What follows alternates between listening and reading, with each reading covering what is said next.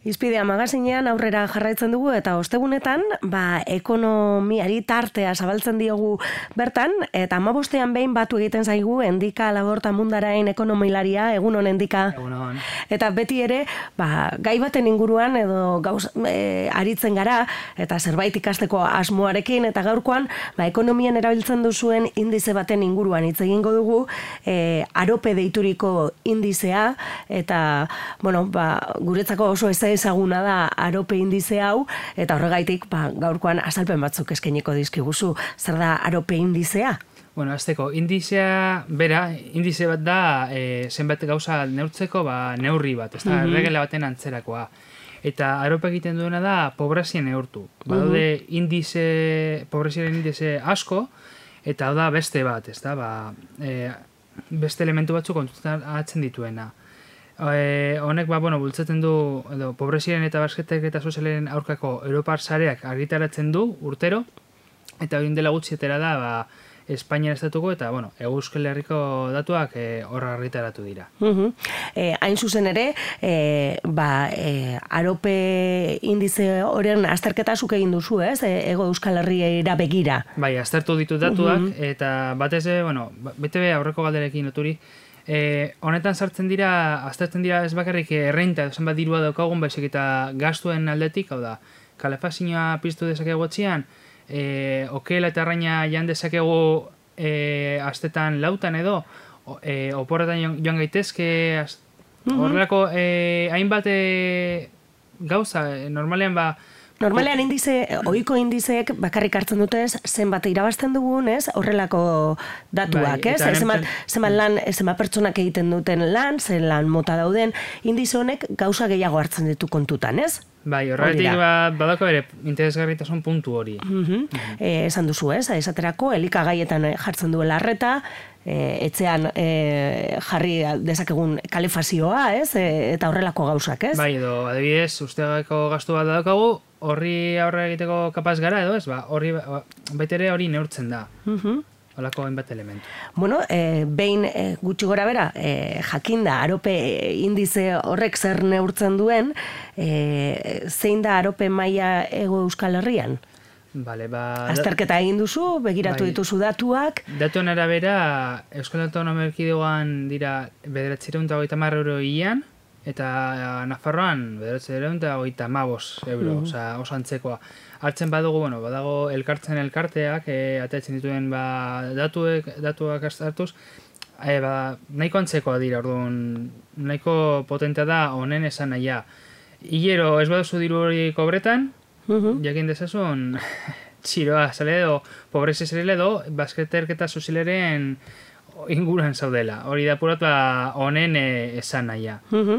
Beraz, e, hori jakinda, ez? E, datu hori jakinda, e, pobreziaren daudenak ego Euskal Herrian, ba, zenbaki potoloa izan behar du, ez? Bai, enoekotan aipatzen denean, e, gutxi gara bera, hartzen badugu Nafarroan apura gutxiago, Euskal Herrian emerkidegoan apura eta handiago da, baina amairu eta mazazpierten, enoeko populazioan enoeko amairu eta mazazpierten dago, baina Euneko bat aipatzen denean hori oso hotza da. Ba, bai, euneko amazazpi, ez dakigu kalkulatzen zema pertsona izan daitezkeen, ez? E, ego Euskal Herrian, euneko amazazpi e, portzentai hori pobrezian bizi dira. Bai, bueno, ba... Saia da buruan jartzea hori pertsonetan, ez? Hmm, ba, atzen badugu pertsonak edo mm kopuruak, ba, bueno, ego Euskal Herrian bagara ia bi milio eta bedatzereun mila, ba, hortikan ia, ia bostun mila, pobrezian eta bazterketa soziala arriskoa izateko ba, horretan da, ia postu mila pertsona.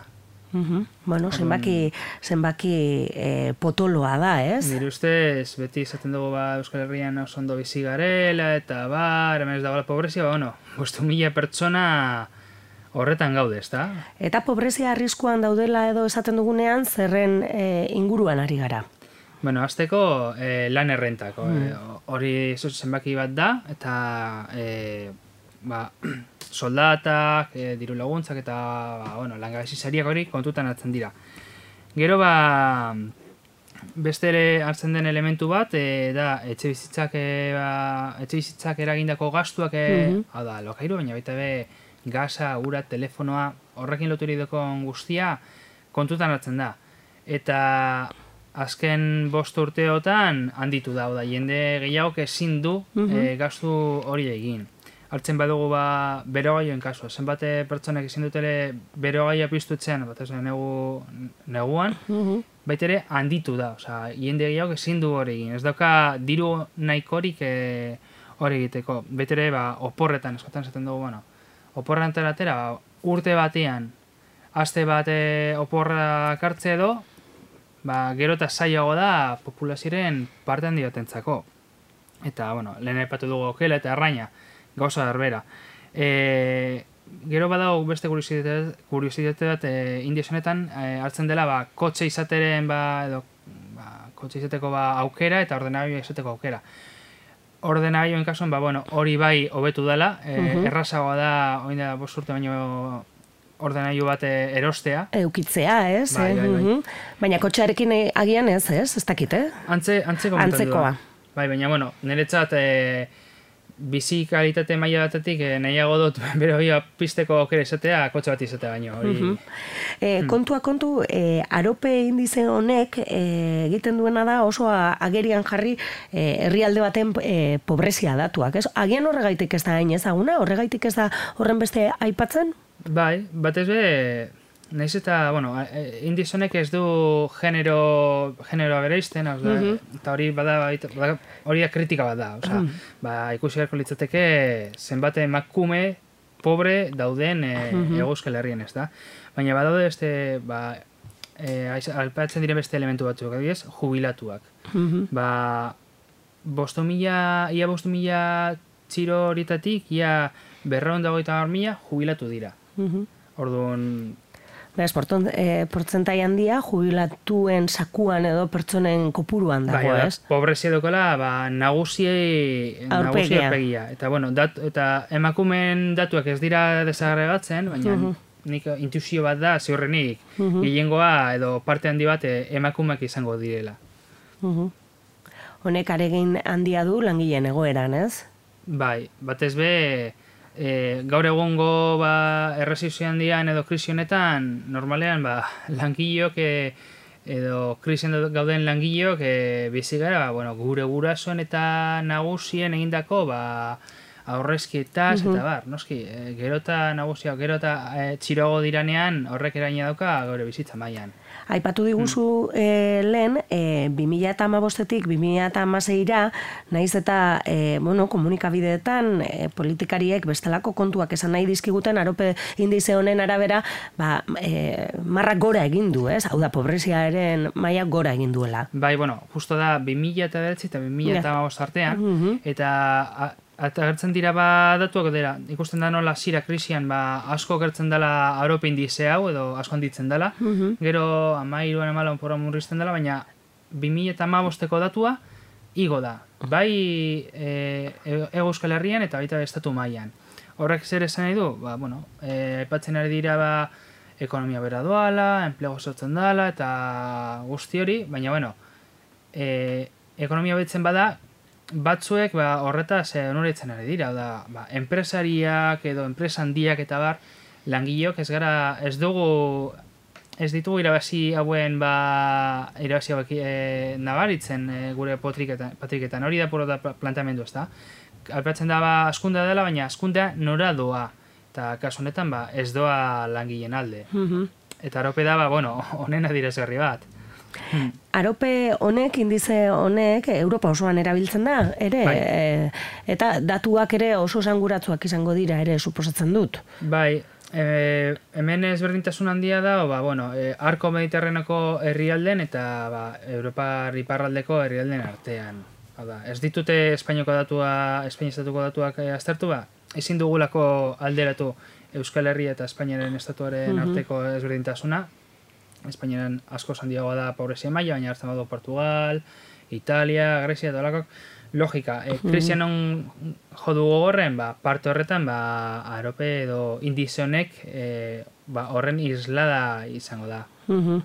Aipatu duzu, ego Euskal Herriko arope indizea aztertu duzula, ba, e, e, Ipar Euskal Herriko daturik ez, ez duzulako izan, ez? Ez, horre ez ditut, gutxienez ez ditute aurkitu desagregaturik e, e, Ipar Euskal lurraldeena. Herri- lurraldena, orduan, konparazio egitea apur bat, ba, demagun, ba, Euskal Herria, Burgos eta Rio esate sartuta aztertzea bezalako izango litzatek, orduan, niretzat ezkan zentzu, zentzu handirik horretan e, sartzea. Mhm. Bueno, ba, hortxe gaurkoan e, arope indizearen in- inguruko datuak, ez dakit gehiago, zerbait gehiago geitzerik nahi duzun.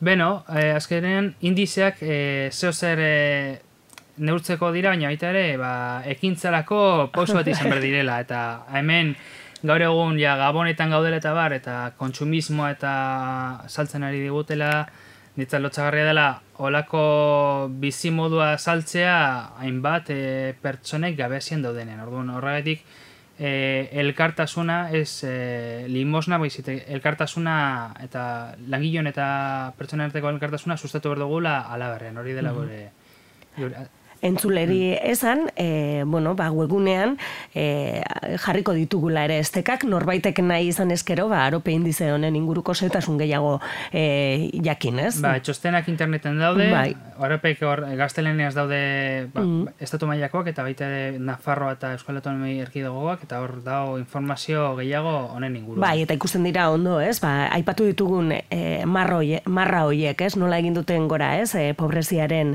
inguruko indize honek zer esaten digun, ez? 2000 eta bederatzitik, ba, e, gaur egunera arte. Beraz, ba, eskuragarri jarriko ditugu ere horiek egunean, ba, entzuleren batek, ba, hobeto ikusi nahi, nahi badu, ez? Edo aztertu edo irakurri.